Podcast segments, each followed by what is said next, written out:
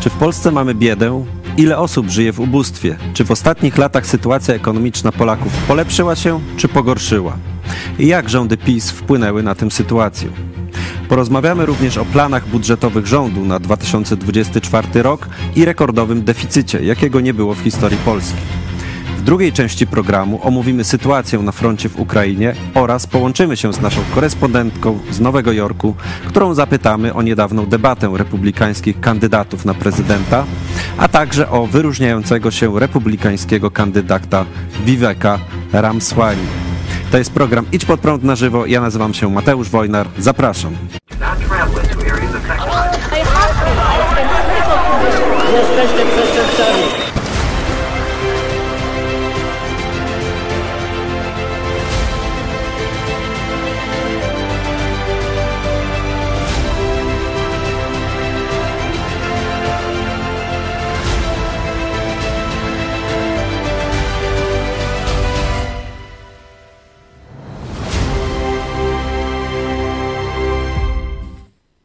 Witam Państwa bardzo serdecznie w programie Idź pod prąd na żywo. Jest y, czwartek, 31 sierpnia, a moim Państwa gościem jest redaktor Michał Fałek, przedsiębiorca i pastor również. Witam Ciebie Mateuszu, witam Was drodzy widzowie. E, Dziś poruszymy tematy gospodarcze Ukraina i USA, tak jak mówiłem we wstępie. Na początku przejdziemy szybko przez, e, no właśnie, przez, przez tematy, a później w drugiej części e, rozwiniemy, rozwiniemy e, te, te pytania i tematy. Pierwsze pytanie, Michał. Czy w Polsce jest bieda? Wydaje się, że, yy, że sytuacja jest, jakby to powiedzieć, taka dwuwektorowa, bo yy, moim zdaniem jest coraz większe rozwarstwienie, bo są takie obszary i wielu ludzi widać jest zamożnych, coraz nowsze samochody, yy, coraz więcej ludzi stać, nie wiem, na jachty, na mieszkania i tak dalej, ale też jest coraz więcej ludzi, którzy żyją w niedostatku. Badania GUS-u o tym mówią. E, I rzeczywiście one, one są niepokojące. Wygląda na to, że socjalizm w wydaniu PiSu no, nie, nie udał się, nie, nie jest to jednak najlepsza metoda, żeby socjalizmem naprawiać gospodarkę. E, No właśnie, omówimy to e, troszkę później. Inflacja. Jaki mamy, jaką mamy inflację obecnie? Dalej dwucyfrową. Dalej. Nie udało się. Dalej dwucyfrową. Prezes Glapiński, z tego co wiem, zmienił wystrój e, fasady Narodowego Banku Polskiego, czyli jak zwykle nowa manipulacja e, wskaźnikami, ale dalej jest to, jest to wzrost dwucyfrowy. Co ciekawe, w takiej Hiszpanii dalekiej e, inflacja wzrosła z 2,5 do 2,8% i jest to wielki powód do nie- zaniepokojenia dla tamtejszego rządu. U nas 10,1, szafa gra, wszystko jest pod kontrolą. No, pewnie w następnym miesiącu może będzie poniżej 10. Zobaczymy. Jaki jest cel inflacyjny Dwa narodowego? 2,5. O, zobaczymy. Ale zbliżamy się. Malutkimi kroczkami, tip-topkami. Za, za 10 lat może, za, za 4 lata PiS będzie mówił, dajcie nam jeszcze jedną kadencję. Jeśli wygrają, to w końcu dobijemy. Okej. Dobrze. No a jak y, wygląda projekt budżetu na 24 rok? I to jest bardzo zła wiadomość, ponieważ e, tak jak jeszcze na początku, e, można powiedzieć, swoich rządów Mateusz Morawiecki starał się, żeby budżet był z niewielkim deficytem, a nawet tam próbowali, żeby był bezdeficytowy, to teraz e, poszli grubo po bandzie. Deficyt ma być prawie 180 miliardów e, złotych, także bardzo duży deficyt, ogromny deficyt i to dużo większe e, są wydatki niż, e, niż stopa inflacji obecna i projektowana. Nie jest to dobry budżet. Także rozbierzemy to na części y, za chwilę. No a jak sytuacja na froncie w Ukrainie? E, Cierpliwości trzeba w dalszym ciągu, natomiast są dobre, e, kolejne dobre wieści. E, Szykuje się być może w końcu przełamanie na froncie południowym. No i też są bardzo ciekawe wieści, jeśli chodzi o, o to, jak rosyjska obrona przeciwlotnicza w wielu miastach Rosji radzi sobie, a dokładnie nie radzi sobie teraz z ukraińskimi atakami dronów. E, No i po drugiej stronie globu w USA mm, mamy kampanię wyborczą, republikanie. Tak, tutaj jest nowy, wypływa nowy, można powiedzieć, e, lider, jeszcze nie lider sondaży, bo tutaj Trump jest zdecydowanym liderem. E, Odbyła się debata ośmiu kandydatów. E, Co ciekawe, pierwszy raz chyba w historii bez prze- bez, te- bez tego głównego kandydata, czyli lideru, liderującego, bo Donald Trump powiedział, że on ma tak dużą przewagę, że nie będzie zniżał się do, do rozmowy z innymi, mm, z innymi kandydatami prawicy. E, No i na tej, na tej debacie mówi się, że wygrał ją, w cudzysłowie, e, taki dla mnie nowe nazwisko, pan Vivek, Vivek, jak on się nazywa? Ramaswamy. Ramaswamy, Vivek Ramaswamy, e, zapewne hinduskiego pochodzenia, kandydat, młody milioner, 38-letni. No, smutne jest, jak się go słucha, że, że on w ogóle ma posłuch, bo jest to dosłownie tak, jak byłby, nie wiem, ambasadorem Rosji w Stanach Zjednoczonych. Całkowity proputinowiec. To przejdziemy zaraz do drugiej części programu, omówimy e, w szczegółach.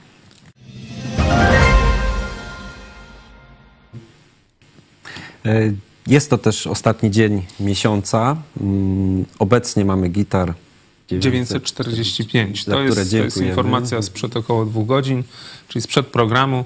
Może teraz jest troszkę więcej, może już jest 950. No, jeszcze troszkę brakuje.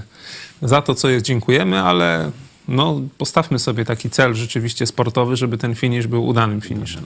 Tak, na koniec wakacji. Czyli tysiąc gitar, e, żeby zagrało. No, faktem jest, że mm, jeśli mają być to gitary, które wpłyną na nasze konto, na przykład e, poprzez przelew bankowy, to trzeba się śpieszyć. E, Ty jesteś bankowcem, to wiesz. Dobrze. E, Trzeba, trzeba się śpieszyć, trzeba wysłać ten przelew najlepiej do 15. Natomiast do końca dnia można skorzystać z tych płatności natychmiastowych, czyli Blika, jakiegoś tam Dotpeya, Paypala i tak dalej. Tak, też wygodne formy, szybkie, także zachęcamy. No i można nas wesprzeć również e, przez, poprzez Super Chat.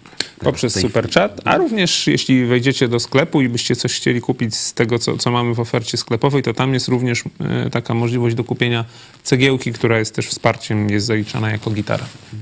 Dokładnie.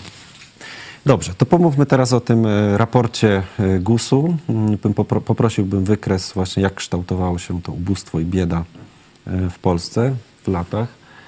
No i zobaczmy, tutaj na samym dole e, mamy to ubóstwo skrajne, czyli minimum egzystencji, czyli to jest no, tak naprawdę, żeby po prostu przeżyć. Nie, nie Są ludzie, którzy nie mają na przeżycie de facto. mają na przeżycie. Tak. Tak. to są bardzo, bardzo niskie kwoty. I to jest 5% społeczeństwa. I to jest prawie 5% społeczeństwa, to jest około 1 700 1 700 osób. Tak. I zobaczcie, że choć, no nie wiem, w pierwszym roku rządu PiSu rzeczywiście ta, ta liczba zmalała, tak, procentowo, to teraz cały czas utrzymuje się na tym samym poziomie, czyli widać, że 6 lat ostatnich e, rządu Prawa i Sprawiedliwości nic w tej sprawie nie zmieniło. 5% Tak. Polaków, no to jest, przypomnijmy, to jest no prawie 2 miliony, to jest ponad 1,5 miliona ludzi, e, który, no, którzy, którzy nie mają po prostu za co żyć, nie mają za co przeżyć. To jest bardzo zła wiadomość, jeśli chodzi o dokonania rządu, który no tak chwalił się, że jest takim prospołecznym e, rządem, który będzie dbał właśnie o tych najbiedniejszych. No okazuje się, że jakoś to dbanie o najbiedniejszych nie za bardzo idzie, nie? Wiadomo, że tłuste koty Kaczyńskiego, ci co tam są e, na spółkach Skarbu Państwa, na przeróżnych synekurach, to oni są dobrze uposażeni, oni nie są w, w tej grupie. Natomiast, e, no jak widać, dlaczego tak się dzieje? Wielka inflacja, która zżera, można powiedzieć, te transfery socjalne. No przecież teraz 500 plus będzie oś- 800 plus się nazywało od następnego roku i dalej będzie miało wartość 500 plus, tak? A przez ostatnie lata nie miało tej wartości. To pokazuje, że właśnie dopuszczenie czy doprowadzenie do tego, że, że, że w Polsce jest naprawdę była i jest dalej wysoka, była bardzo wysoka inflacja, bo 20% praktycznie, e, to ona przecież nie uderza w tych najbogatszych, którzy mają, nie wiem, przeróżne inwestycje, gdzieś tam pieniądze e, w walutach, pieniądze w akcjach i tak dalej. Ona uderza w tych, którzy no, żyją od pierwszego do pierwszego, a wielu Polaków tak żyje. No właśnie, to gdzie te pieniądze poszły? Gdzie te pieniądze poszły? Tyle jest wsparcia, tyle, tyle się mówi, emerytury, 14. No właśnie, chyba problemem jest to, co, co, co też niejednokrotnie mówiliśmy, że jakby to powiedzieć, też, że em, dawanie socjalu e, ludziom przyzwyczaja ich do socjalu i odzwyczaja ich od pracy. Tak.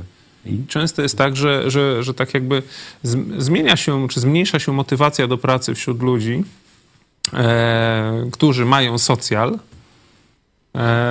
no bo, po co pracować, kiedy, kiedy powiedzmy państwo da, prawda? A później okazuje się, że owszem, państwo da, ale państwo zabierze wzrostem cen, zabierze jakimś zwiększonym podatkiem, tak? czy zmniejszoną ulgą i tak dalej. E, także tutaj e, no, no niezbyt to, to tym rządzącym wychodzi. E, natomiast no, nie oszukujmy się, jednak też i, e, i powiedzmy są bardzo wysokie obciążenia podatkowe w Polsce. To, No to ja to właśnie widziałem- mówić też o tym, o tym budżecie. Jak, Tak, tak. się No, ale ja to widziałem, doświadczyłem tego, jak byłem właśnie na, na, tej, na tej mojej wyprawie, mojej, mojej żony w Kanadzie, e, gdzie zauważyłem, że na przykład podatek VAT, ten stanowy, to jest 5%, tak? E, gdzie benzyna jest dużo tańsza, czy paliwo, gdzie stosunkowo, tak, można powiedzieć, w porównaniu do, za, do zarobków to już w ogóle, ale nawet niektóre towary przeliczając po prostu po kursie jeszcze tak, jakby razy trzy polskim, to są tam są tańsze niż w Polsce wiele, wiele o wiele, no nie?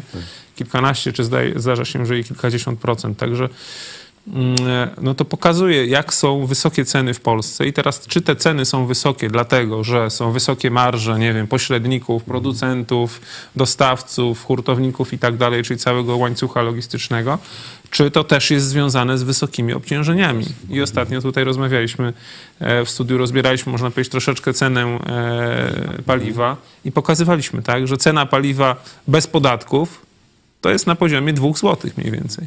No właśnie. Dlatego, dlatego, e, dlatego rzeczywiście jesteśmy łupieni bardzo przez to państwo. Później to państwo e, to, co złupi, to, co złupi obywatelom, no to oddaje w ramach e, transferów socjalnych, no ale widać, że albo nas za mało jeszcze łupi, czyli za mało nas okrada, że, da, że, że ta liczba mm, żyjących w biedzie w skrajnym ubóstwie, prawda, się nie zmniejsza, czyli albo jeszcze za mało jesteśmy okradani, albo może państwo to, co zabierze, to gdzieś tam rzeczywiście przeznacza na inne niepotrzebne rzeczy. Tak? Czyli mm, A z drugiej strony też e, zniechęca tych, którzy mogliby dać i się podzielić, no bo skoro państwo daje, Mhm. to wywołuje też takie myślenie, że no, skoro państwo daje, to co ja będę się Mhm. tutaj angażował? Przecież Tak, państwo tak. pomoże. Ideą w ogóle takiego konser- konserwatywnego myślenia to jest, to jest to, że powinny być niskie podatki. Ludzie powinni dzięki swojej pracy mieć naprawdę pieniądze na normalne funkcjonowanie i powinno w nich tak jakby być budowane taka chęć pomagania innym, tym, którzy sobie gorzej radzą. Tak? Ale nie tym, którzy powiedzmy, wiecie, piją, jak to Jarosław mówił, że wszystkie kobiety tak tutaj w szyję dają i tak dalej. E, Nie, takim, którzy rzeczywiście gdzieś tam, nie wiem, no mieli jakiś wypadek i tak dalej, czy nie wiem, na przykład e, zginął mąż, została żona z dziećmi i tak dalej, to, to, to jest normalne, że, e, że ludzie w krajach na przykład anglosaskich to wspierane są takie osoby, prawda? Natomiast generalnie e, też normalnym jest, załóżmy, sytuacja, gdzie gdzie rodzina funkcjonuje zgodnie z takim modelem, nie wszyscy tak muszą chcieć tutaj, prawda? Ale zgodnie z takim modelem, że e, mąż pracuje, a kobieta w domu spokojnie wychowuje nie jedno czy dwoje dzieci, tylko wychowuje trójkę, czwórkę, bez problemu, tak? Z, z, można powiedzieć, z pracy jednej osoby rodzina jest w stanie się utrzymać i pojechać na wakacje i tak dalej. W Polsce jest to niemożliwe. W Polsce jest to niemożliwe. To pokazuje, że rzeczywiście coś jest niehalo w naszym kraju, nie?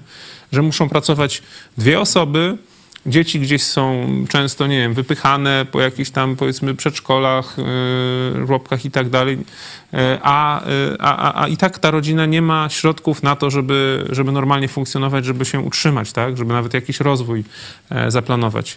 Z tych danych, akurat tych danych nie ma na tym wykresie, ale w tych danych z GUS-u, tam jest jedna bardzo taka niepokojąca dana, mianowicie, że ponad 40% Polaków żyje w niedostatku.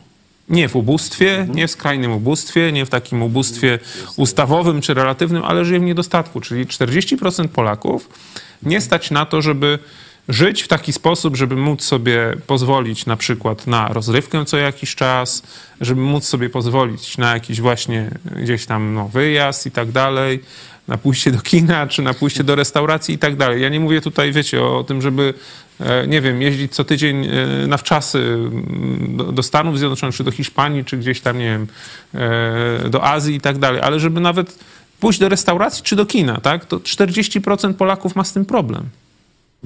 I to jest przerażające.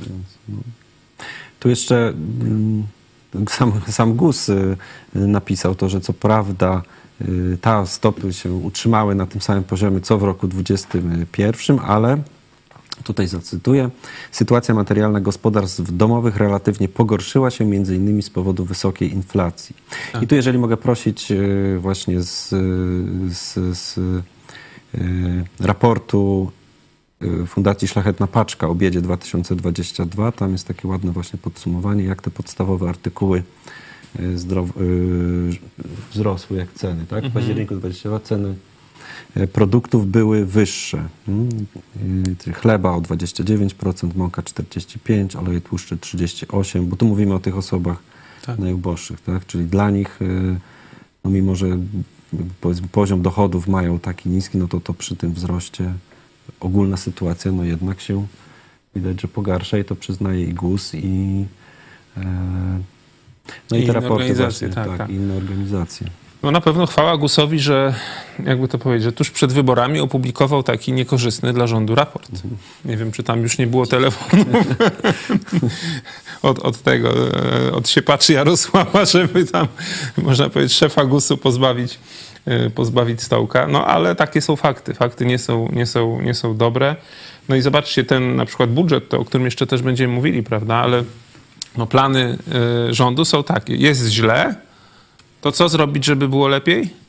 Jeszcze większy socjal, czyli jeszcze więcej pożyczyć, tak? Czyli co, będziemy z każdego roku na rok zwiększać deficyt budżetowy, który już w tym roku jest gigantyczny, w następnym ma być dwa razy większy. Tak. A co PiS zaproponuje, jeżeli będzie przy władzy za, za dwa lata albo za trzy? To przecież ktoś za to musi zapłacić kiedyś, nie za to pożyczanie się. Przecież zresztą e, zaciąganie długu, jeszcze zaciąganie takiego niebotycznego długu na taką skalę, no to jest można powiedzieć zakładanie e, sobie sznura na, na szyję, prawda? To jest, to jest można powiedzieć czynienie z naszych dzieci niewolników.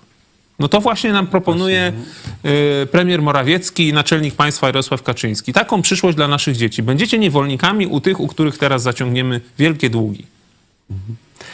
A y, tutaj media zauważają, że ten wzrost y, ubóstwa no, dotyczy nie tylko seniorów, bo zwykle mogło się uważać, że to osoby Tak. na tych da, dawnych emeryturach, które no, tam PiS podnosił, ale, ale że mają powiedzmy niskie, ale również młodzi też, y, też zaczynają e, wchodzić w ten, w ten, w ten obszar, co powinno, jakby świadczy no dosyć źle, bo po pierwsze mówimy, że potrzebujemy pracowników, tak, że w, w tych branżach budowlanych i tak dalej brakuje osób do pracy.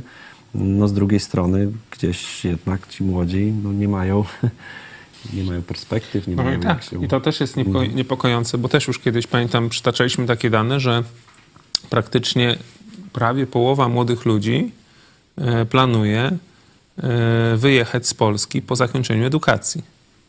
Wyjechać, można Tak, powiedzieć, za pracą i za lepszym życiem. Czyli właśnie młodzi ludzie, którzy mają jakieś ambicje, marzenia, plany, oni nie widzą szansy na zrealizowanie tych ambicji, marzeń i planów w naszym kraju.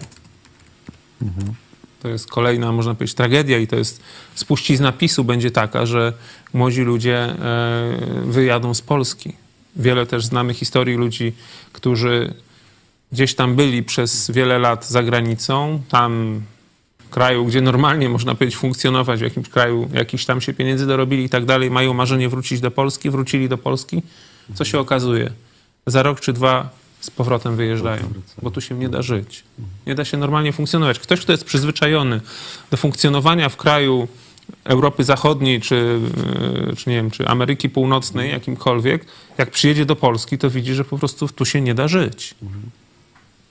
To jest też kolejna, kolejna tragedia. A propos e, tych, tych emerytów, no to tutaj dobra informacja, można powiedzieć, dla emerytów, gorsza dla całego budżetu, że Jarosław Kaczyński dzięki swojemu błędowi, lapsusowi, czy no niewiedzy, no bo czym się różni netto od brutto?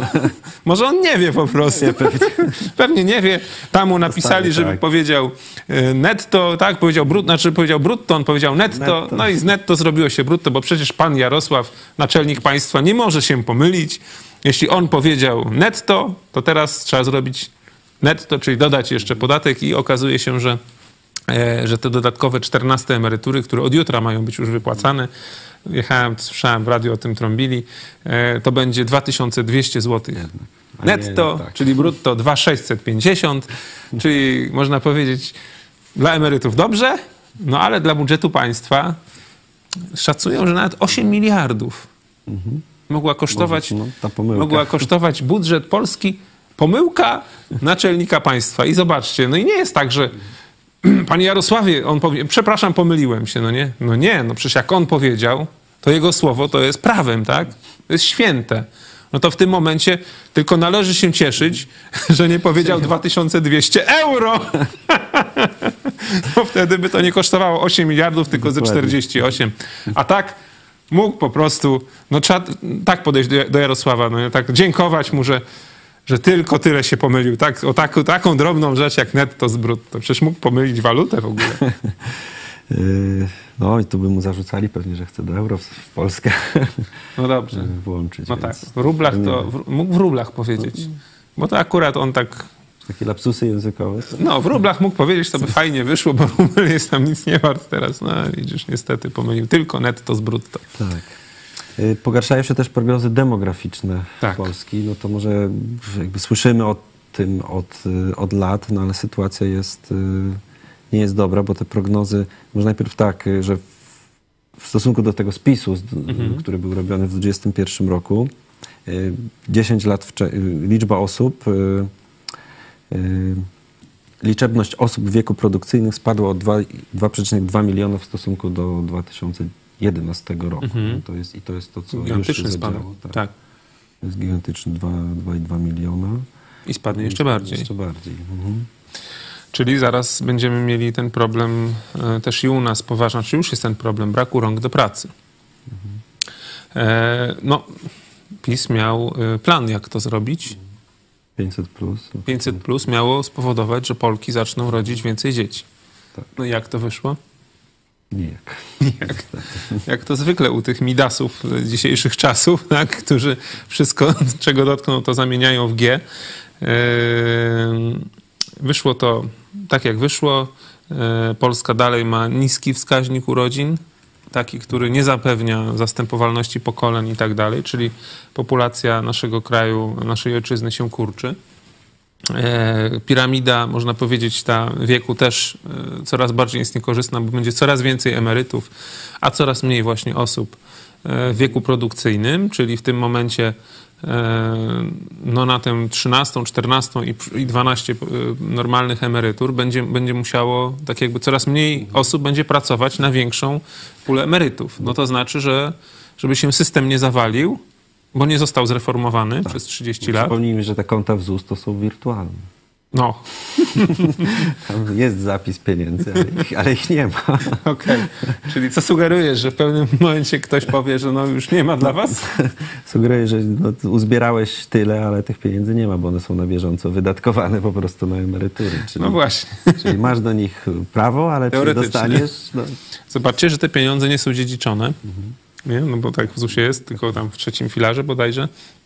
E, I dla, e, dla ZUS-u najlepszą sytuacją jest to, że e, powiedzmy ktoś przechodzi na emeryturę, zadowolony i nagle nie ma go, umiera. Nie? I ja znam takie przypadki, akurat też w naszej rodzinie był taki przypadek w tym roku, że osoba, która ukończyła 65 lat, mężczyzna, poszedł na emeryturę po kilku miesiącach, niestety umarł, już nie skorzystał w ogóle z tej emerytury, no i państwo jest zadowolone. Dzieci tych pieniędzy nie odziedziczą, a państwo przez całe życie, można powiedzieć, ściągnęło z niego kilkaset tysięcy, a zapłaciło mu ze dwie czy ze trzy emerytury. To jest najlepszy deal dla, dla ZUS-u. To, to pokazuje, jakby mo- można powiedzieć, że ten system nie jest systemem takim uczciwym czy sprawiedliwym, nie? I że ten system powinien być dawno zreformowany. Eee, No, żaden rząd, żaden rząd, można powiedzieć, tego, takiej odważnej decyzji nie podjął w przeszłości i będziemy za to płacić e, cenę coraz wyższą w najbliższym czasie. To też będzie uderzać, można powiedzieć, w nasze, nasze młode pokolenie. Także ci Polacy młodzi, którzy nie wyjadą za granicę, no to niech się szykują na to, że będą coraz większe podatki płacić, żeby już nie tylko e, przeróżne te fundacje, e, synekury, kolesi, tylko też i na przykład swoich rodziców, nie? czy dziadków utrzymać. którzy też no, powiedzmy, pracowali uczciwie no i płacili na ZUS, więc No. no. oczekują tego, że... No tutaj dodam, że na tysiąc, obecnie na tysiąc y, osób w wieku produkcyjnym przypada 390 emerytów. Prognozy za 30 lat że będzie ich dwa razy więcej, tak? czyli no 600 na 1000. 700 prawie. Mhm. Prawie 700, przepraszam. E, czy 700, prawie, prawie 800. Mhm. E, no to się zbli, zbliżymy do takiego poziomu 1 do, do jednego. 1 do 1. I tutaj... No tutaj pewnym rozwiązaniem jest e, i myślę, że tutaj jest no tak jakby dobry owoc tej wojny w Ukrainie jest taki, że część Ukraińców przyjechała do Polski i tutaj zostaje, przynajmniej na razie są i pracują. I Gdzieś tam zaczynają wchodzić, można powiedzieć, w ten system, też dokładają e, jakieś tam swoje składki, też płacą podatki i tak dalej, choćby w konsumpcji, przecież kupując różne rzeczy, no to można powiedzieć, tak jakby zasilili tę, tę ubożejącą, można powiedzieć, lic- liczbowo ludność Polski, no to zasiliła ludność ukraińska, e, czyli można powiedzieć, wyrównuje troszeczkę nam ten spadek populacji. No i myślę, że to jest e, lepsza, lepsza taka jest migracja. Ja się z niej cieszę, no w tym sensie, no jeśli można się cieszyć z, tak, z migracji, e, która jest spowodowana wojną, ale, e, ale dla nas lepsza jest ta migracja ludzi kulturowo bliskich nam, e, ludzi o podobnym języku, o podobnych zwyczajach i w dodatku teraz dobrze nastawionych do Polski, niż migracja typu, nie wiem, azjatycka, muzułmańska i tak dalej, którą PiS próbuje, mimo iż mówi, że jest przeciw migracji, nie? No to jednak tam te e, gdzieś tam ściąga tych pracowników, nie? Gdzieś tam z Pakistanu, z Bangladeszu i tak dalej, nie? Widać na ulicach dużych Mhm. miast, tak. No, ale y, no faktycznie, faktycznie. Ale myślę, że, że to jest nieuniknione, że powinniśmy się przyzwyczaić i tak jakby pogodzić z tym, że, że niestety, znaczy niestety, no, że Polska stanie się krajem e, z czasem takiego typu, jak są kraje, no nie wiem, czy zachodnie, czy właśnie Ameryki Północnej. W Kanadzie jest tak, że jest to kraj rzeczywiście wielokulturowy, wieloetniczny e, i co ważne, ci ludzie żyją w zgodzie, pracują wspólnie, można powiedzieć, na, na, na- na, dobrobyt swój, swoich rodzin, ale cał, całego kraju. E, Myślę, że chyba jest to nieuniknione, że w Polsce jednak będzie coraz więcej nie Polaków, i no i jakby to powiedzieć, no trzeba chyba z tym się, z tym się zmierzyć będzie.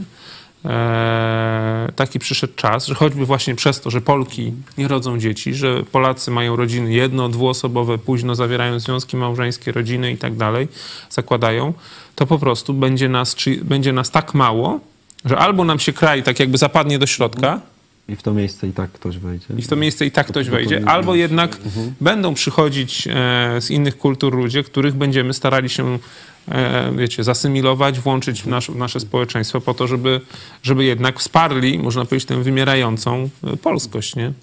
No No to i jest przykre, ale no to, to po prostu nam, Polakom, powinno zależeć, żeby nas było więcej. No i powinny rodziny być, nie wiem, 3, 4, 5, 6 dzietne, to wtedy by to się odwróciło, ten trend. A trend jest inny.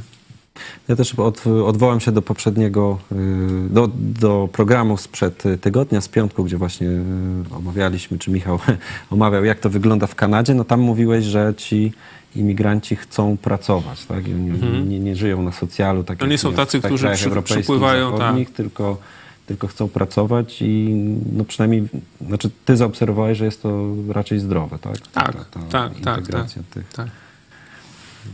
To społeczeństwo funkcjonuje, prawda? Wiadomo, że są też jakieś pewne związane e, z tym zagrożenia, nad którymi trzeba jakoś, nie wiem, panować, przewidywać. Nie tak jak PiS robi, że on reaguje, kiedy już się, wiecie, mleko wyleje i jest problem, to wtedy PiS reaguje. To nie jest taka e, partia czy rząd proaktywny, tak? Tylko, tylko oni no, dopiero nie, nie przewidują w ogóle, można powiedzieć, konsekwencji, złych konsekwencji swoich głupich wyborów tylko później zastanawiają się, jak, jak można powiedzieć, zasypać jakąś dziurę, którą zrobili.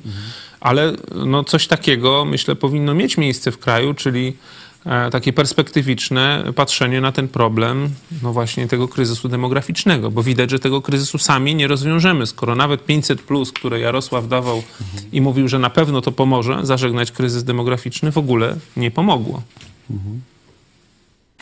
Te przeczytam może kilka, mm, kilka waszych komentarzy. Wesoły ufoludek, przecież pisowskiej mafii i wieprzkom o różnych be, w różowych beretach żyje się wspaniale, więc jaka bieda. Yy, Maro Marenio, dokładnie tak, yy, coraz bardziej widać rozwarstwienie społeczeństwa. I tutaj jeszcze przypomnę o sądzie. Yy, Nie powiedziałem o tym na początku, ale mamy, mamy sądę, także polecam, żebyście oddali swój głos. Mm, pensje w Polsce pozwalają na godne życie. Zgadzam się lub nie zgadzam się, to za chwilę e, przed, e, przed tematami zagranicznymi e, zobaczymy wyniki. Tadeusz Marszałek, jeżeli chodzi o sądę, to trzeba jeszcze wziąć pod uwagę, że na każdego, że dla każdego godne życie ma różny wymiar. Mówię to z perspektywy życia przez 18 lat na emigracji, e, tutaj Wielka Brytania e, i mam skalę porównawczą. No zapewne tak. No, pytanie jest oczywiście o wasze, wasze tutaj odczucia, jak, jak uważacie. Tak? No, nie, nie, nie, nie, nie opieram się tutaj. Znaczy opieram się na tym właśnie, jak, mm, jak myślicie. To będzie subiektywne. Tak, tak. Dobrze, może, może krótko o tej inflacji teraz. Zobaczmy, zobaczmy wykres, bo tutaj y, inflacja, o tu nam troszkę wyszło poza, y, poza obszar, tak, bo jesteśmy 23 rok. No niemniej widać, no powiedzmy ta inflacja spada, ale jest ciągle no, na poziomie, który to mamy rok? 98, 9, czyli głębokie czasy. Zobaczmy, że e, PiS e, przejął władzę w momencie, kiedy inflacja już była poniżej celu in, inflacyjnego, tak? Czyli kiedy była inflacja, no kiedy można powiedzieć była nawet Tak. e, deflacja, tak? Czyli, czyli poniżej zero. Był rzeczywisty spadek cen. No i PiS, można powiedzieć, zobaczcie, jak konsekwentnie e, doprowadza do tego, że ta inflacja rośnie, tak? Ostatnie od 2021 roku, no to już e, w ogóle, w ogóle no, jak- jakiś kosmos, tak? Praktycznie 20% ta inflacja. Mimo iż, przypomnijmy, jeszcze przed, e, można powiedzieć, wybuchem tej, tej dużej inflacji, pan Glapiński z panem Kaczyńskim zapewniali, że sytuacja jest super w gospodarce, że zaraz dogonimy Tak. Niemcy zachodnie, że po prostu można brać kredyty, rozwijać się Polska będzie i tak dalej. Czyli zobaczcie, ile ludzi, można powiedzieć, wpuścili w pułapkę, nie? Ograbili, po prostu orżnęli, nie? Zobaczcie, że teraz po iluś tam latach banki, które stosowały kredyty frankowe i tam były przeróżne takie klauzule, można powiedzieć, wprowadzające w błąd e, kredytobiorców, które skończyły się tym, że ludzie no, po prostu płacili e, dużo większe e, raty niż uczciwe, prawda? Niż uczciwe powinny być raty w przypadku kredytów bankowych. Teraz skończyło się tym, że po wyrokach sądów ci frankowicze, kredytobiorcy e, mają prawo do odszkodowań, banki, banki próbują się z nimi dogadywać i tak dalej. Może by takie w prawo wprowadzić na Glapińskiego i Kaczyńskiego, nie? Czyli tych ludzi, którym obiecali, że, e, że ten, że, że będzie mało, nie będzie podwyżek stóp tak, procentowych, będą niskie, bierzcie kredyty, ale ludzie wzięli kredyty, no to niech Kaczyński i Glapiński ze z własnych tam napasionych kont, niech tym ludziom płacą odszkodowania za parę lat. Warto by może pomyśleć o, tak, o takiej sprawiedliwości. Nie starczyłoby im życia, żeby tego odpracować. Wtedy to by była sprawiedliwość, naprawdę sprawiedliwość. Jeżeli by ci oszuści, którzy ludzi wprowadzili w błąd e, i spowodowali właśnie jeszcze wzrost tej biedy, tragedii i tak dalej, e, zapłacili za to z własnych tych srebrnych, e, zajumanych pieniędzy, nie? No dobrze, to a propos, a propos tych pieniędzy, po, porozmawiajmy teraz właśnie o tym budżecie. Dodam, że to jest e, propozycja budżetu. Projekt to jest budżetu. Projekt, projekt budżetu, który Zawsze można go znowelizować, czyli jak będzie potrzeba, to jeszcze większy To jeszcze- deficyt jeszcze. dokręcić.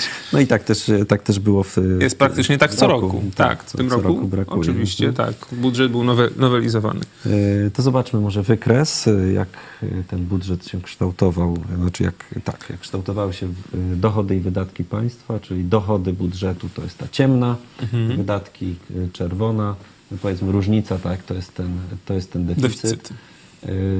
To jest, rozumiem, w cenach, e, czy w wartościach nominalnych. Nominalnych, czyli, Czyli wartościach uwzględniających inflację. inflację. Czyli no, można się tłumaczyć tym, że jest Tak. inflacja, ceny wyższe, to wszystko będzie wyższe. Wszystko się zgadza, ale zobaczcie, że dochody państwa e, są, znaczy wzrost dochodów Mhm. jest mniejszy niż inflacja. Nie? Tak jak sobie porównywałem te wartości, to wzrost dochodów jest mniejszy niż inflacja. I teraz pytanie, czy to dlatego, że PiS zrozumiał, że nie ma co tak ograbiać ludzi i zmniejsza podatki Mhm. i po prostu no, jest coraz bardziej łaskawy, czy może dlatego, że jednak e, przy tak samo wysokich obciążeniach fiskalnych lub nawet większych, no nie da się zrealizować większych dochodów, no większych nominalnie, ale większy, większych realnie, co pokazuje, że jest źle z polską gospodarką. Ja bym taką tezę stawiał. No mówiliśmy w, w poprzednim programie, kiedy, kiedy razem występowaliśmy, nie, nie, nie tym kanadyjskim, tylko wcześniej, e, właśnie o tym, e, y, o tym wacie, tak? Że w ujęciu nominalnym on może tam wzrastać, ale w ujęciu tam właśnie od Realnym. Re, realnym, bez, czy tam skorygowany o, ten, o tę inflację, to spada, tak? Tak. Sam mówiłeś, że To spada, czyli to pokazuje, że. Mhm. obrót, obrót w gospodarce jest mniejszy. Czyli jest mniej transak- transakcji, czy mniejsza wartość transakcji, no bo VAT to jest podatek, można powiedzieć, value added tax, czyli podatek od wartości dodanej, czyli on jest dokładany do każdej transakcji, tak? Czyli powiedzmy sprzedajesz jedną rzecz, jest dokładany VAT, tak? Ja sprzedaję dalej, jest dokładany VAT do różnicy, można powiedzieć, tak? Czyli em, można powiedzieć, on pokazuje rzeczywisty wzrost gospodarki. No i ten VAT realnie spada. I w związku z tym dochody budżetu myślę, że realnie też spadają, no bo nominalnie rosną, realnie spadają, a ponieważ e, PiS jest, e, jest właśnie partią, która właśnie tak reaguje na, na wszelkie problemy, które, które wprowadziła, że załatwia to najczęściej zwiększonym socjalem, tak? No to wydatki, Wydatki. rosną więcej niż inflacja, prawda? Czyli wydatki nominalnie wzrosną więcej niż jest, niż jest inflacja, bo inflacja oni twierdzą, że będzie na poziomie 6,6%, a wydatki, jak widzicie, wzrosły no nie o No, 6,6%. to jest, tylko- tak, wy- wydatki mają sięgnąć 800, prawie 848, czyli prawie 850 miliardów złotych i Mhm. to jest o 22% więcej niż w tegorocznym budżecie. Dokładnie, Inflacja średniorocznie, tu planują, że będzie w przyszłym roku około tam 6% tak. inflacja, ale wzrost y, wydatków o 22%. Czyli e, pytanie jest, dlaczego taki wzrost wydatków? No tutaj tłumaczą się, że to są wydatki w dużej mierze e, na fundusz obrony, czyli na uzbrojenie, ale też i nie tylko.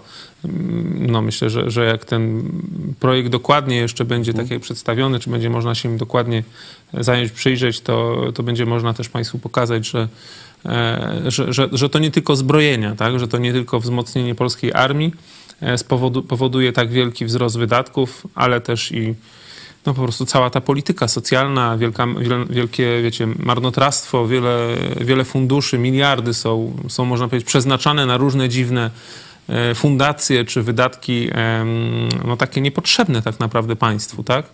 A związane z tym, że władza PiSu, władza Prawa i Sprawiedliwości, no pompuje kasę do różnych swoich zaprzyjaźnionych e, stowarzyszeń, fundacji, firm, Tak. e, tylko po to, żeby zapewnić sobie ewentualne miękkie lądowanie po przegranych wyborach. No właśnie, tutaj budżet ma wynieść rekordowe 164 miliardy złotych względem 92 Mówimy o deficycie. Tak, deficyt, czyli ta różnica pomiędzy Tak. wydatkami. wydatkami. No tu jeszcze jest informacja, że obciążenia podatkowe no jednak mają wzrosnąć o 13, prawie, prawie 14% jednak jeszcze rząd chce zwiększyć te dochody podatkowe. Yy, No odbierze nam, czy chce nam odebrać 680 miliardów złotych w podatkach. Mhm.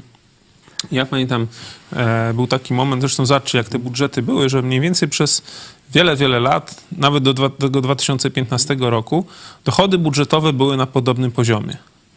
Była mała inflacja, bo pamiętamy, że inflacja była na poziomie tych 2-3% i dochody budżetowe mniej więcej, mniej więcej były na podobnym poziomie. Później e, PiS przejął władzę i mimo iż jeszcze na początku też była w miarę mała inflacja do 2021 roku, zobaczcie, że dochody budżetowe wzrosły, można powiedzieć, o praktycznie, no prawie że ponad połowę, tak? Tutaj mamy trzy słupki w 2015 roku, a w 2021 mamy już pięć słupków, tak? To było w 15, tam 12. Tak, a w 21, kiedy się zaczęła inflacja duża, no to mamy wzrost o, o, o, dwa, o dwa dodatkowe em, dwie trzecie. No to PiS się chwalił, że żeśmy zwiększyli dochody budżetowe. No tak, ale jeżeli inflacja nie rośnie, tak, czyli nie ma, można powiedzieć, takich podstaw do wzrostu nominalnych dochodów w związku właśnie z inflacją, no to co to znaczy, że, wzrósł, że wzrosły dochody budżetowe? No właśnie to, że więcej ukradli, że więcej zabrali ludziom że zwiększyli obciążenia fiskalne, tak? Że więcej, można powiedzieć, ściągnęli y, z kieszeni obywateli. No, jest się czym chwalić, nie? Jest się naprawdę czym chwalić, że jesteście złodziejami większymi niż Platforma Obywatelska. Czyli teraz, jeżeli powiedzmy PiS robi e, różne te takie akcje, oczywiście za pieniądze budżetowe, czyli wszystkich Polaków, tak, e, marketingowe powiedzmy, a dokładnie to są akcje propagandowe, że tam Platforma kradła pieniądze i zakopywała. no to weźcie, zobaczcie uczciwie, ile PiS kradł, nie? Jak, jak dużo więcej pieniędzy ukradł Polakom e, Kaczyński z, z Morawieckim. Dziękuję za wasze, mm, za wasze komentarze. Mamy dwóch, dwóch superczatowiczów, Marcin Lewicki i Krzysztof Bialik. Bardzo wam dziękuję. E, I e, komentarze. Dopóki Polacy będą myśleć, że jesteśmy w Stanach i mamy tylko dwie partie, republikanów i demokratów, to lepiej nie będzie. Czyli jeszcze długo nie. To kult y, pizdaizmu. I Joanna Zielińska. Dzień dobry, mój nastoletni syn też nie chce żyć w tej biednej Polsce, nie widzi sensu poświęcania się, jeśli gdzie indziej proste życie jest i łatwiejsze. Mm. Yy, Tu mi jeszcze przypominają, że mamy więcej tych superczatowiczów. Przepraszam, jest cztery osoby wcześniej, jeszcze Marcin Szczygieł i yy, Judasz Apostata. Także bardzo dziękujemy. To przejdźmy może teraz do wyników e, sądy.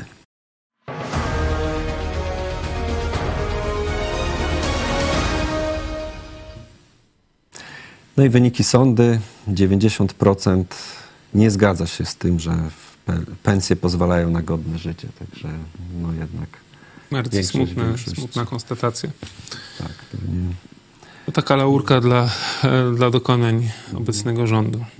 10% zgadza się, 90% nie.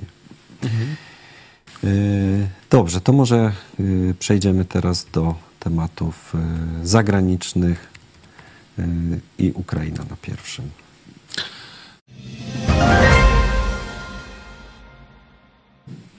Dobra.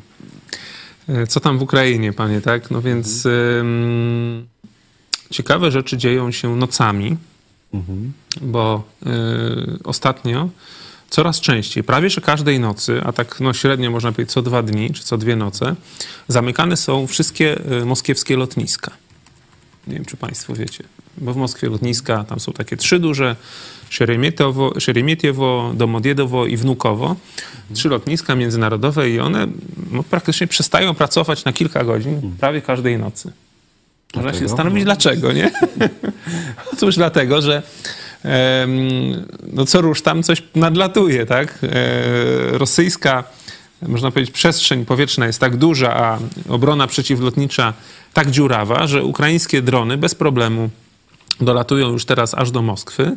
I praktycznie każdej nocy, a wystarczy, że jest tam jeden taki dron sobie leci, no to oni mają obowiązek zamknąć lotniska, wprowadzają taki specjalny e, alarm, czy specjalny, e, nawet ma swój nazwę, dywan powiedzmy ten, e, ten dlatego czasami są takie zdjęcia Putina na tle dywanu, no to właśnie, żebyście zrozumieli dlaczego, to właśnie to jest taki, taki można być alert i zamykają lotniska, próbują strącić to, co tam Ukraińcy wysyłają. Natomiast Ukraińcy odnieśli w sierpniu dwa duże sukcesy. Na początku sierpnia, nie wiem czy o tym mówiliśmy, e, zaatakowali e, bazę w miejscowości Sący e, i to jest baza, z której startowały takie bombowce strategiczne Tu-22M, takie zdolne do przenoszenia bro- broni jądrowej, ale one również te takie rakiety manewrujące, które niszczyły czy niszczą ukraińskie miasta, regularnie właśnie te bombowce przenoszą. I wówczas ukraińskie drony zniszczyły dwa takie bombowce. Co ciekawe, Rosja tych bombowców nie ma dużo, bo ma tam około chyba 20, e, a one są, jakby to powiedzieć, nieodnawialne, już nieprodukowane. Także w tym momencie e, rozwalenie każdego takiego bombowca e, to jest gigantyczna, potężna strata dla Rosjan. No bo można powiedzieć, z czasem ich im zabraknie. Zabraknie. Nie będą już, można powiedzieć, mieli nosicieli rakiet tych manewrujących, nie będą mieli czym je praktycznie wystrzeliwać. E, No to było na początku sierpnia, natomiast e, dokładnie e, dwa dni temu, nie wiem jak ktoś ogląda Twittera czy czyta Twittera, to widział na pewno takie płonące samoloty. Zostały zaatakowane, znaczy zostało zaatakowane lotnisko, które jest jednocześnie lotniskiem cywilnym, jak i wojskowym w mieście Psków. Batory pod Pskowem był? Tak. No właśnie, to, to właśnie, to miasto, to jest, wyobraźcie sobie, przy granicy z Łotwą czyli całkowicie na północy, tam gdzie są inflanty, nie? E, od, od Ukrainy to jest 600 czy tam 700 kilometrów do tej bazy w Pskowie. No i też tam drony doleciały i to nie jeden, tylko doleciał cały, można powiedzieć, rój dronów, bo mówi się o ponad 20 dronach. E, drony amerykańskie, prawdopodobnie Beaver, e, czyli Bubr, e, są takie drony, e, zaatakowały to lotnisko i na tym lotnisku, uwaga, no, Rosjanie to oczywiście twierdzą, że wszystkie zostały drony zestrzelone, no ale jak zawsze e, szybko, szybko okazuje się, że kłamią, oni zawsze kłamią, bo zawsze wszystko obronią, zawsze wszystko zestrzelą, a później są wraki tych spalonych samolotów. I tam zostały przynajmniej potwierdzone dwa zniszczone samoloty, a mówi się, że być może jeszcze dwa są uszkodzone. I to są maszyny IU-76. To są takie wielkie transportowce, e, które, e, można powiedzieć, obsługują e, właśnie Pskowską Dywizję Powietrzno-Desantową. To jest zresztą dywizja, która, która miała lądować w Hostomelu, kiedy był pierwszy dzień wojny, 24 lutego. To właśnie te Iły leciały E, z Pskowa z, ze spadochroniarzami, no, z najlepszymi rosyjskimi, można powiedzieć, żołnierzami. Leciały, leciały lądować w Hostomelu na tym lotnisku, które miało być zajęte przez siły specjalne i z którego praktycznie 20 minut jest do ulicy Bankowej, do centrum Kijowa. No i to ta najważniejsza bitwa, którą można powiedzieć Ukraińcy wygrali i tak, dzięki niej, można powiedzieć, nie przegrali wojny w ciągu tych trzech dni bo rzeczywiście uratowali Hostomel. Krytyczny moment. Krytyczny moment. I co ważne, wtedy była taka sytuacja, że ukraińska obrona przeciwlotnicza zestrzeliła jeden z tych iłów razem mhm. ze spadochroniarzami w środku. I wtedy zginęło, mówi się, ponad 300 e, rosyjskich spadochroniarzy tej elity najlepszej e, właśnie na podejściu do lądowania, a pozostałe wtedy zawróciły, nie?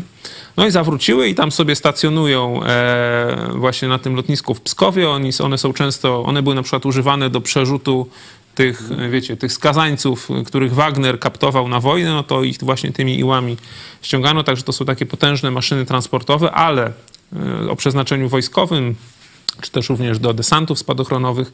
No i cztery takie Iły-76 są prawdopodobnie zniszczone, plus jeden nieustalony jeszcze samolot, który, o którym mówi się, że to być może jest e, samolot myśliwsko-szturmowy Su-30, e, rosyjski, nowoczesny. Wiecie, te straty to są straty idące w dziesiątki milionów dolarów. A, bo jeszcze coś tam rozwalili. Jeszcze rozwalili, Co jeszcze tymi dronami rozwalili e, mm, dwa takie elementy systemów przeciwlotniczego. Pancyr, e, mhm. to taki bardzo drogi też, rosyjski.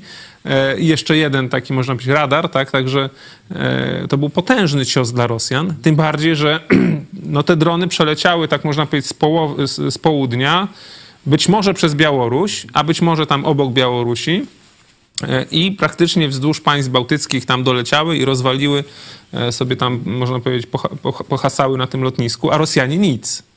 Nie? To pokazuje, e, jak, jaką porażką jest rosyjska obrona przeciwlotnicza, no bo cała obrona poszła, poszła tam, na, do, do, do Moskwy, no nie? Albo jest a, cała okay. obrona na froncie, a reszta poszła do Moskwy. No bo jak zaczęli atakować Moskwę, no to oni cara wszyscy... Trzeba cara trzeba chronić, tak? To tam przecież na, na budynkach, na dachach są te pancery porozmieszczane, e, a okazuje się, że że Ukraińcy mogą teraz uderzać w rzeczywiste, ważne cele wojskowe na terenie praktycznie całej Rosji. E, dzisiaj czytałem takie szacunki, że Ukraińcy zniszczyli atakami dronów już 24 samoloty. Mhm nie licząc tej Czornobajewki, która tam kilkanaście razy była atakowana, ale że zniszczyli 24 samoloty na rosyjskich lotniskach. Nie na lotniskach, powiedzmy, okupowanych ukraińskich, tylko 24 e, samoloty na rosyjskich lotniskach i to są straty no, bardzo poważne dla Rosjan, e, bardzo wartościowych samolotów i tak dalej. Także to jest wielki sukces. Oczywiście tam regularnie uderzają, e, uderzają na Krymie. E, są informacje, że udało się Ukraińcom e, własnej produkcji e, rakietę Neptun, to jest rakieta, która została użyta do zniszczenia krążownika Moskwa, tak, czyli do tego, żeby Moskwa, Moskwa ten, stała się okrętem podwodnym, to właśnie użyli Neptuna do tego i teraz tego Neptuna przerobili na rakietę typu mhm. Ziemia, Ziemia, już nie tylko powiedzmy e, na, na rakiety do uderzania celów e, morskich, tylko, mhm. tylko rzeczywiście już używają z powodzeniem swojej rakiety, swojej produkcji do atakowania przeróżnych celów. To jest bardzo dobre, bo to pokazuje, że, e, że tak jak można powiedzieć, że przemysł militarny ukraiński dalej funkcjonuje. Tak? Że mimo iż że oni nie są tylko skazani na to, co im Zachód da, tym bardziej, że Zachód często warunkuje. Tak? Damy wam rakietę, ale warunek jest taki, że nie możecie użyć jej na, na atakowanie celów na, na terenie e, faktycznym rosyjskim, tak? Czyli potrzeba Ukraińców no, Tak, tak. Że, Natomiast że... Oni, oni okazuje się, że mhm. e, nie tylko nie został ich przemysł e, zniszczony, tylko wręcz przeciwnie, on się rozwija Coraz to nowe, można powiedzieć, wynalazki czy udoskonalenia są wprowadzane. Wiele tych fabryk jest ulokowanych pod ziemią. Słuchałem właśnie wczoraj, wczoraj takiego streamu po, po rosyjsku, e, wywiadu z ekspertem od tych spraw i, i, mówił, że wiele tych fabryk jest po prostu przeniesione pod ziemię i one są tak jakby dla Rosjan niedostępne do zniszczenia, niemożliwe do zniszczenia. Także ten, ten, ten, ten przemysł będzie funkcjonował. Natomiast jeśli chodzi o samą sytuację na froncie, no to tutaj szczególnie patrzymy na ten front południowy, e, czyli ostatnie było zdobycie tej miejscowości Rabotyno e, i e, siły ukraińskie w tym momencie idą, tak jakby z Rabotyno idą e, w stronę wschodnią do miejscowości Werbowe i e, w stronę południowo-zachodnią w, w kierunku Tokmaku.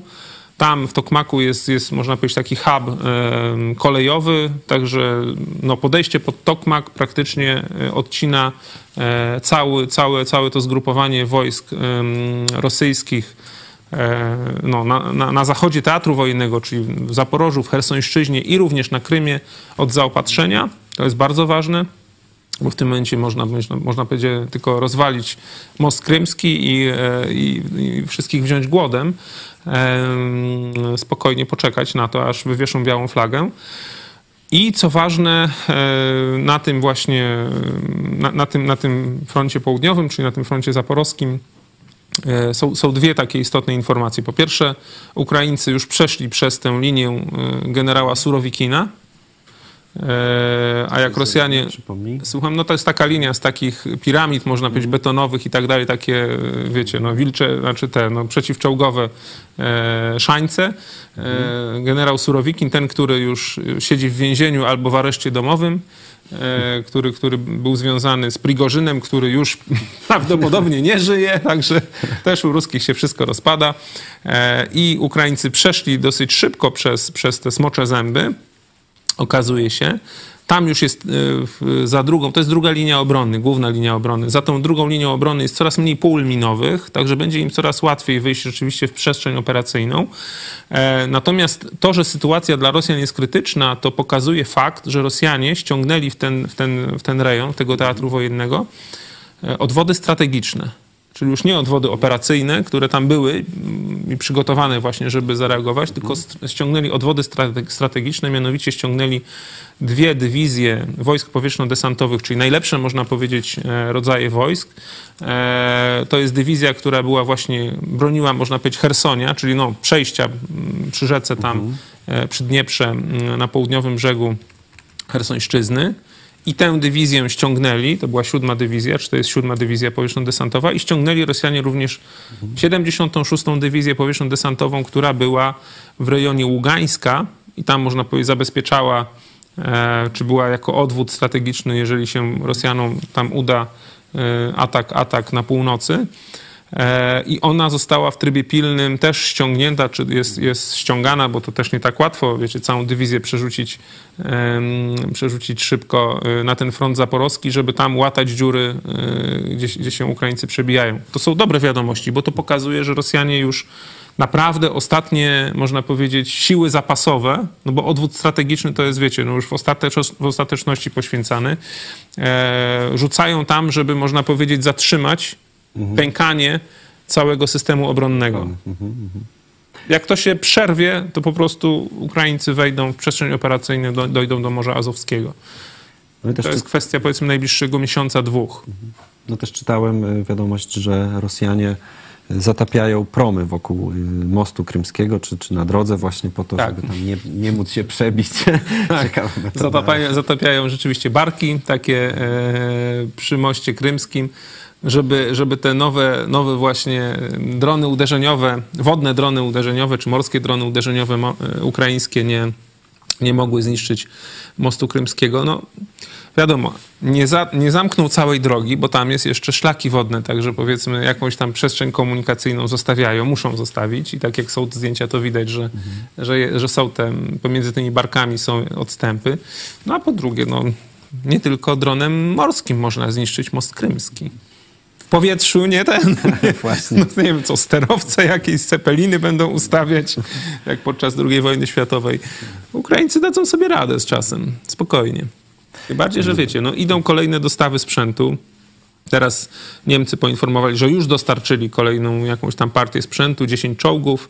Co prawda tych starszej generacji leopardów jedynek, ale na przykład leopardy dwójki bardzo dobrze się spisują. Był, była ostatnia informacja, że Ukraińcy stracili 6 do tej pory bezpowrotnie mhm. z 70, które walczą tak. E, na, na, tym froncie południowym. Także mm, no, sprawdzają się dobrze te czołgi, e, a przecież jeszcze nie weszły do gry e, Abramsy amerykańskie, które no, tam za, za chwilę będą. No już mówi się o F-16, że to jest naprawdę krótki czas, bo ja dzisiaj czytałem informację, że w Danii już pierwsza grupa pilotów ukraińskich zakończyła szkolenie. Zakończyła. Zakończyła, już nie podjęła, że już zakończyła, tak? Także no w tym momencie naprawdę to może być kwestia kwartału, nie do wiosny, tylko to może być kwestia kwartału, e, że, że na teatrze e, tym wojennym pojawią się i F-16, i niemieckie Taurusy, i amerykańskie Taurusy, to są no, tak, jak, e, te, tak jak Skalpy, czy tak jak Storm Shadowy, takie można powiedzieć rakiety manewrujące niemieckie i pojawią się Abramsy i wiele innych rzeczy, które są obiecane, które w końcu tam dojadą. Mhm. Czyli to jeszcze tak jakby jeszcze wzmocni siłę uderzeniową wojsk ukraińskich.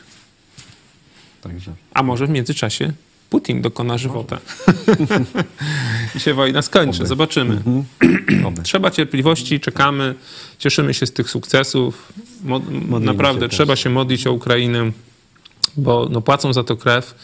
E, z takich smutnych, e, smutnych informacji to stracili w ostatnim tygodniu praktycznie e, dziewięciu lotników. Ukraińcy trzech. I to właśnie w kuriozalna rzecz, bo w, bo w wyniku zderzeń samolotów, e, podczas tam lotów szkoleniowych takim samolotem L-39 zderzyły się dwa samoloty i zginęło trzech pilotów, w tym tak, taki znany pilot o, o, o kryptominie o Juice, czyli SOK. E, on tam różne, na Twitterze były od niego wcześniej filmy i tak dalej. I już nie żyje. A właśnie wczoraj przyszła informacja, że zderzyły się dwa śmigłowce e, w, w no, tam w, w, okolicach Doniecka i tam zginęło sześciu lotników ukraińskich. Także no, to są straty takie, no, można powiedzieć, spektakularne, ale tam każdego dnia e, kilkudziesięciu, być może, może stu, może stu kilkudziesięciu Ukraińców płaci e, cenę najwyższą po to, żeby no, żeby bronić ojczyzny i żeby, nie wiem, zginęło 500, 600 Rosjan, zniszczyć im ileś tam sprzętu. Tak. Jednak Rosjanie cały czas ten sprzęt przesyłają, ale i tych ludzi, ale no też im się powoli kończą. Nie? Mówi się, że Putin dokona kolejnej mobilizacji, że chce zmobilizować pół miliona ludzi, ale to też nie jest tak łatwo, nie? bo to trzeba ich wyszkolić, ubrać, nakarmić, dać im sprzęt, którego jest coraz mniej. Poza tym to jest pół miliona ludzi zabranych z rynku pracy, których, y, którzy idą na rzeź, bo już społeczeństwo rosyjskie coraz, coraz bardziej widzi, że ci ludzie idą tam po prostu jako mięso do maszynki do mielenia mięsa, nie? Tak się mówi, tak?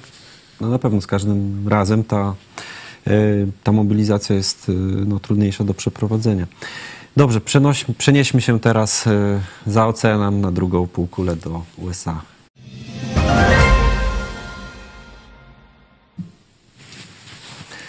Halo, halo, słyszymy się Martyna i widzimy? Dzień dobry, witam. Cześć, witam cię, cześć, cześć. witam cię serdecznie. Dobrze, to przejdźmy od razu do tej debaty mm, kandydatów republikańskich. Jakbyś nam opowiedziała, E, no, co się działo na tej debacie? Mm, dlaczego nie było Trumpa? E, jak, jak media oceniają e, ten wynik debaty? No więc Trump nie był na debacie tylko dlatego, że powiedział, że już tak wysoko jest na y, popularności w Ameryce, że tyle ludzi już na, i tak będzie na niego głosować i ma jego poparcie, że nie jest potrzebne jego wystąpienie w takich debatach. Trochę teraz y, odegra taką rolę jak Ronald Reagan w 80 latach, bardzo podobnie że niby jest już tak popularny, że nie potrzeba go na debatach i wszyscy już doskonale wiedzą jego sentymenty i za czym on stawia i co on popiera. Więc dlatego jego, o, dlatego był nieobecny, ale jak chodzi o inne kandydaty, to właśnie ten y, Vicky i Nikki Haley byli bardzo popularnymi kandydatami. A Nikki dlatego, że jest jedyną kobietą z republikańskiej partii, a Vicky dlatego, że jest młodym biznesmenem, chociaż niedoświadczonym, ale ma za to takie nowe y, kojarzenie z Trumpem. On tak się właśnie przedstawia jako młody Trump, który popiera ideały, i sentymenty Trumpa i chce po prostu wyznaczać nową drogę dla Ameryki, która będzie mm, mniej więcej to, o, co, o to, co chodziło Trumpowi, żeby zmienić e, Amerykę na taką bardziej Amerykę, która priorytetyzuje nasz kraj, nasze krajowe sprawy, a nie sprawy polityczne poza granicą. A można powiedzieć, że on poparł największą popularność e, i właśnie po, pokazał, że się nie boi, nie? chociaż niedoświadczony, jeszcze nie był w sferze politycznej to najwięcej właśnie miał do mówienia o sprawach na przykład na Ukrainie. Powiedział, że e, jakby on został, jakby on wygrał wybory, to by nie popierał dalszą interwencję Ameryki w wojnie na Ukrainie że to jest tylko e, e, według niego to jest popychanie Ameryk Rosji w dalszą relację z Chinami i że to od, odciągnie, że to nawróci na nas wielką zło, bo dla, dla Ameryki największe zagrożenie to jest właśnie Chiny i Rosja, a takie połączenie to może być dla nas katastroficzne. Dlatego on na, zleca właśnie, żebyśmy już nie byli wtrąceni w tą wojnę. Po drugie też była też rozmowa o aborcji. Większość kandydatów właśnie y, mówiła o tym, że nie powinno być mm, na federalnym poziomie taki ograniczenie aborcji, ale na stanowym poziomie powinno być po sześciu tygodniach y, koniec aborcji, pozwolenie. Czyli praktycznie całkowity stanowy zakaz y, aborcji, dlatego że po sześciu, sześciu tygodniach większość kobiet dopiero się dowiaduje, że jest w ciąży, więc Większość republikańskich kandydatów właśnie wspiera koniec aborcji na stanowym poziomie, nie czują potrzeby to wynosić na federalny poziom. Um, jak chodzi o sprawę um, jak chodzi o Chiny, to też bardzo duże poparcie, żeby z powrotem brać pracę i towary do Ameryki, żeby popierać właśnie relacje pomiędzy Kanadą a Meksykiem i odciągać e, relacje od Chin, które teraz, e, no jakby nie patrzeć, relacje z Chinami to jest przykład globalizacji i taką chęć na y, odciąganie pracy od, od Ameryki, od Amerykanów. Więc y, większość republikańskich kandydatów, na przykład Pence i ten Vicky i Nikki Haley właśnie popierają zmniejszenie takiej globalizacji i, na, i nawrócenie właśnie do pracy do Ameryki i do Amerykanów. Czy ta debata mm, coś wniosła, coś zmieniła, y, jeżeli chodzi o to, y, no, kandydatów republikańskich y, na prezydenta? Myślę, że tak. Myślę, że Ron DeSantis y, zmniejszył jego popularność, ta debata, dlatego że nie, był, nie miał taki odgłos jak inni kandydaci. Y, nie przedstawiał się jako bardzo, jak, jako mocny rywal. Można powiedzieć też, że dla, chociaż Trump był nieobecny na tej debacie, to i tak jego dusza była widać w tej debacie. Większość kandydatów go wspierała i tak naprawdę zrobiła punkt z tego, że go wspierają, bo chcąc nie chcąc, większość republikanów wspiera teraz Trumpa i dalej się za nim stawia, więc to jest na korzyść i na cześć właśnie tych kandydatów, żeby pokazać, że my też go wspieramy, że my też go popieramy. Wiki poszedł na tak daleko, żeby powiedzieć, że ja bym ułaskawił Trumpa, jakbym wygrał te wybory, żeby pokazać, że on, oni nie wstawiają się właśnie za tą polityzację prokuratora i na, to, na ten chaos i korupcja, co teraz istnieje w naszym rządzie. I właśnie, żeby stawili się za Trumpem, więc um, media to rozkręcają w taki sposób, żeby pokazać, że na razie jeszcze jest naprawdę nie wiadomo, kto stawi się, bo ciągle z każdą debatą będzie teraz, wiesz, nowy kandydat bardziej popularniejszy, ale w tej chwili to jest właśnie Vicky i Nikki Haley. Mam takie pytanie, czy mm, myślisz, że w ogóle jest realny na przykład taki scenariusz, że Trump nie zostanie dopuszczony do startu ze względu na te jego kłopoty prawne i jest przygotowywany właśnie ten Vivek po to, żeby zastąpić Trumpa, a żeby DeSantis nie został kandydatem? Tak, jest bardzo możliwe. Mi się wydaje, że właśnie to młode pokolenie bardziej się stawia za Vivikiem, a i, nie, I, jest możliwość jeszcze wielka, że Trump nie będzie mógł startować, dlatego że w konstytucji jest prawo, e, które pozwala Stanom zabronić e, jakiegokolwiek, jakiegokolwiek kandydata, nawet byłego prezydenta, przed startowaniem. Więc jest możliwość taka, że nawet jakby wygrał te sprawy sądowe, nawet jakby został łaskawiony, to nie znaczy, że Stany będą go chcieli jego kandydata. Mogą już za rok czasu wybrać nowego kandydata, kandydata na przykład tego Viveka, ale z tego co wiem, to Ron DeSantis i tak ma na razie popularność, tylko jak chce naprawdę się wbić w górę, to musi się pokazać jako potężny rywal, jako człowiek, który będzie mógł wywalczyć o swoje. A na razie te jego e, mowy na tych debatach to pokazują człowieka, który jeszcze się boi wypowiedzieć o swoich opiniach i który się boi jeszcze w takich e, w sferze politycznej się wymówić i przedstawić się jako indywidualna osoba. A mogłabyś przedstawić jego sylwetkę? Kim kim on jest, jaką ma przeszłość, czym się zajmuje? Tak, no to to jest bilioner, to jest człowiek, który się zajmuje biotechnologią, czyli on inwestuje właśnie w biznesy biotechnologiczne. Tak jak mówiłam, nie miał do tej pory żadnego związku z polityką, e, z prawem, więc to jest jego pierwszy start i właśnie większość e, kandydatów na tej scenie, na debacie wykorzystała to i, i zrobili z niego takiego, może nie wroga, ale na pewno kogoś, który jest niedoświadczony, który nie powinien nawet startować, który dla Ameryki nic nie zrobił poza swoje własne interesy i e, który jest młody w porównaniu z innymi ale on powiedział ileś razy, że ja jestem jedynym kandydatem, który, który jestem tutaj niezapłacony, żeby tutaj być. Czyli reszta niby mają, są tam pod jakąś agendą, pod jakąś, e, z, e, z jakimś celem, a on tutaj jest, mm, żeby po prostu stawiać się za Amerykanów, żeby być amerykańskim głosem. Czyli on twierdzi, że on jako jedyny stoi tutaj swobodnie i z własnej woli, jako samodzielny człowiek, który przedstawia siebie i Amerykę. Jest to taki kandydat antysystemowy. On ma 38 lat. Pytanie jest takie, czy myślisz, że jeżeli nie ma jakiegoś takiego poparcia, no nie wiem, kogoś, jak mówi, że jest właśnie przeciwko, czy tam nie wyszedł z jakiejś tam grupy, to czy on jest w stanie no, sfinansować taką wielką kampanię, no bo jednak yy, no, tam nie ma, można powiedzieć, rządowych pieniędzy dla partii politycznych, tylko ci kandydaci muszą rzeczywiście sami sfinansować e, swoją kampanię wyborczą.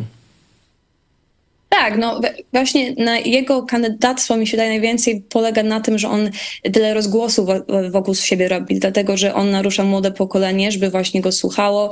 I jest ileś artykułów właśnie teraz w New York Times, które się śmieją, że on jest e, annoying, czyli po prostu taki irytujący, a właśnie przez to, że jest taki irytujący sprawia, że dużo ludzi na niego zwraca uwagę i to samo jako sobie jest reklama dla niego. Więc... I właśnie dużo e, Trump ponoć taką samą teraz odegra strategię, żeby po prostu zrobić wokół, wokół siebie taką duże, do, duży rozgłos, żeby ludzie na niego zwracali uwagę.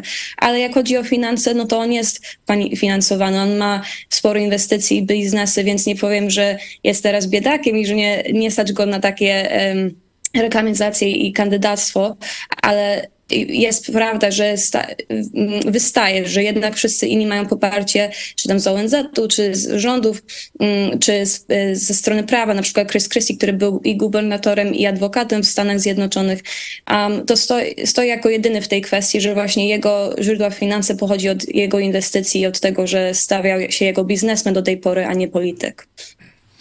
Myślę, że to jest taki, ja mam takie, z porównaniem mi się skojarzyło, taki amerykański Mencen, nie? Także tak, będzie no, można śledzić, e, śledzić, śledzić jego losy, jak się będzie to rozwijać. Na pewno będzie to ciekawe nawet z takiego socjologicznego punktu widzenia. Tak. No ja się tylko zastanawiam, czy ten właśnie jest sprzeciw pomocy y, Ukrainie, tak przynajmniej w Polsce jest, jest przedstawiany. E, no, czy to jest coś y, realnego, czy to jest w sensie takim, czy by to zrealizował, czy to jest tylko po to, żeby się wyróżnić na tle innych kandydatów i bardziej tych konserwatywnych Amerykanów y, przyciągnąć. Mi się wydaje, że to jest jednak, żeby e, pokazać się, mówię, jako młody Trump. Trump zawsze przez całe swoje cztery lata jako prezydent mówił o tym, że Ameryka nie powinna interweniować w sprawy pozagraniczne i Vivek to samo mówi, że, że Ameryka nie powinna po prostu się wtrącać i tym bardziej powiedział, że Ukraina nie powinna dołączyć się do NATO, nie powinno na to pozwolić w ogóle, bo to tylko e, wiesz, wpędzi Amerykę w dalszą wojnę, w dalszą relację z Ukrainą i z e, innymi krajami przeciwko Rosji, a Rosję to tylko po E, popnie w rękach e, Chin. I wtedy to będzie po prostu relacja, która będzie trudno zniszczyć i trudno e, zwalczyć. Więc on mówi, że, że nie powinniśmy w ogóle już brać w tym udział, nie powinniśmy wspierać. Chociaż rząd DeSantis też podobnie mówił, tylko z mniejszym głosem powiedziałam, tak bardziej pokornie do tego podszedł. Powiedział, że e, dopóki Europa i europejskie kraje nie będą tak samo popierać Ukrainy, tak samo jak Ameryka finansowo i z, z ich żołnierzami, to Ameryka nie powinna się wtrącać, że to nie jest realne, żeby Ameryka tyle się stawiała, a europejskie kraje nie. Więc tak naprawdę te dwa kandydaci, tak, to były um, indywidualnie w ich postępie, ich mentalności, jak chodzi o Ukrainę. Inni kandydaci e, tak nie mówili. Właśnie na przykład Nikki Haley powiedziała, że e, Wivek by wy, wybrał mordercę, czyli Putina zamiast e, sojusznika i brata w, w relacjach, czyli z Ukrainą, a, on, a Vivek powiedział, to życzę ci sukces, jak chodzi o te kompanie bronione, bo on mówi, że stawia się tylko za tą wojną, żebyś mogła mieć korzyść z tego na biznesie wojennym, z, z broni i tak dalej. Ona powiedziała, że ty nie masz w ogóle żadnego doświadczenia w sprawach pozagranicznej, to widać właśnie w swojej mentalności, jak o to chodzi. Więc jest, zobaczymy, jak to tak dalej się rozkręca, ale na razie jest, widać bardzo takie, taka dywizja. Jest tutaj Nikki Haley i reszta kandydatów, które mówi, że powinniśmy dalej walczyć z Ukrainą przeciwko Rosji, a są takie właśnie dwie kandydaci, Vivek i Ron DeSantis, którzy powiedzieli, że nie powinniśmy się w tym interweniować, że Ameryka powinna być wolna i i po prostu odciągnięta od tych spraw, że powinniśmy się patrzeć na siebie, a tym bardziej Vivek powiedział taki komentarz miał, że to jest e, brak szacunku dla Ameryki, że większość Amerykanów będzie właśnie podążać za wojnę z Ukrainą, a nie patrzą się, co, co tutaj się dzieje na, na, w Chicago, gdzie jest teraz bardzo wysoka rata kryminalności, albo na Hawajach, gdzie teraz płonie. Powiedział, że to nie jest e, to nie jest Amerykanów, jak Amerykanie wa walczą poza granicami albo dają finanse na wojnę poza granicą, a nie wspierają i nie patrzą się na nasze problemy tutejsze. No, będziemy obserwować to, co się dzieje w Stanach. Dziękujemy Ci, Martyna, za, e, za te informacje, za, ten, za, za Twój wkład, bo, bo jednak będąc e, tam na miejscu, no masz tak, tak. E, spojrzenie właśnie tak jak, jak Amerykanie. My tutaj żyjemy bardziej od strony, co gazety napiszą, tak i co podadzą ser, serwisy. No, ja to bym takiemu Vivikowi zadał dwa pytania. czy, no okej, okay, zostawia Ukrainę, ale czy jeśli Rosja by na przykład napadła na Polskę, no czyli jego sojusznika, to który czy też by nas tak. zostawił, który jest w NATO? No nie? To jedno, a drugie, przecież są głosy e, też republikanów, tutaj senator Lindsey Graham e, tak trzeźwo mówią, że zobaczcie, że poświęciliśmy jedynie 3% naszego budżetu militarnego 3%, bo to, co Amerykanie dali, gigantyczna kwota, to jest 3% ich budżetu militarnego, po to, żeby osłabić siłę rosyjskiej armii o 50%. No I być może na kilkadziesiąt lat zapewnić spokój tutaj, nie? Zwłaszcza, że tam nie angażują swoich żołnierzy. Dokładnie, krwi, nie? Ani żaden żołnierz amerykański nie, nie ten, nie Polek, nie zginął, nie? No to, to jest przecież, można powiedzieć, biznesowo to jest deal stulecia, nie? Załatwić Rosjan ukraińskimi rękami, dając, można powiedzieć, ułamek naszego budżetu obronnego. Wszyscy powinni być szczęśliwi. Także nie wiem, czy związki Vivika z Kremlem gdzieś tam nie, nie są warte do zbadania, bo być może, że są. No, co, będziemy obserwować. E, także dziękujemy Ci, Martyna, za, e, za, ten, za Twój udział w dzisiejszym programie i mam nadzieję, że widzimy się za tydzień. Dziękuję. Ja dziękuję. Do zobaczenia. Do zobaczenia. Przejdźmy y, do ogłoszeń. Y, co dzisiaj jeszcze? O 17 serwis informacyjny, o 18 dogrywka, y, bardzo ciekawa dogrywka. Tu zostawię tak trochę niepewności, ale śledźcie nasze media społecznościowe, tam będziemy zapowiadać. No i o 18 bądźcie na kanale YouTube. Kontakt telefoniczny, zachęcamy do, do kontaktu telefonicznego, bądź to z obecnym tutaj Michałem Fałkiem. Jego numer to 536 813 435 bądź z Pawłem Machałą 533 906 230. Macie numery wyświetlone, e, też są na naszej stronie internetowej e, dostępne. No i mm, jeszcze raz y, Dziękujemy za te 945 gitar. Y, no i zostało nam godzinka niecała. Emocjonujący tak, wieczór przed nami. Wieczór. Ja będę liczył te gitary, które spływają. No, jutro się dowiecie, jak mhm. poszło. Tak, także jeżeli chodzi o przelewy, to do 15 nowoczesne formy wsparcia, czy to powiedzmy nowsze Blik, y, DotPay, PayPal są dostępne całą dobę. No i super chat y, Dziękujemy za tych cztery, cztery osoby, które nas wsparły no. dzisiaj, ale możecie nas też wesprzeć i na serwisie informacyjnym i tak. I, I, tak jak, I tak jak niejednokrotnie tutaj my mówiliśmy i Paweł Chojecki mówi, nie jest dla nas istotne, żebyście nam wpłacali tysiące złotych. Ważne jest dla, dla nas, żeby rzeczywiście te tysiąc osób było, bo to też jest dla nas taki challenge trochę sportowy. Tak. Też mamy taką żyłkę tutaj e, sportową. Jest to jakieś wyzwanie, jest to takie pokazanie, że trwale jesteście z nami, choć też zdarzają się nowe nazwiska na tej liście, które bardzo nas cieszą. E, dlatego no, zapraszam Was, nawet jeżeli nie, macie trudną sytuację finansową, to wyślijcie 10 zł czy 20, a to dla nas będzie też już fajna informacja, że o, ktoś kolejny dołączył. Tak, sygnał, że jest, że jest ktoś, ktoś nowy. Także. Tak jest. Bardzo Wam dziękujemy. Moim Państwa gościem był Michał Fałek. Dziękuję Ci za to szeroką komentarz do Dziękuję Tobie i wydarzeń. dziękuję Wam. Do zobaczenia w następnym tygodniu, tak? Zapewne. Tak, do zobaczenia. Dziękuję.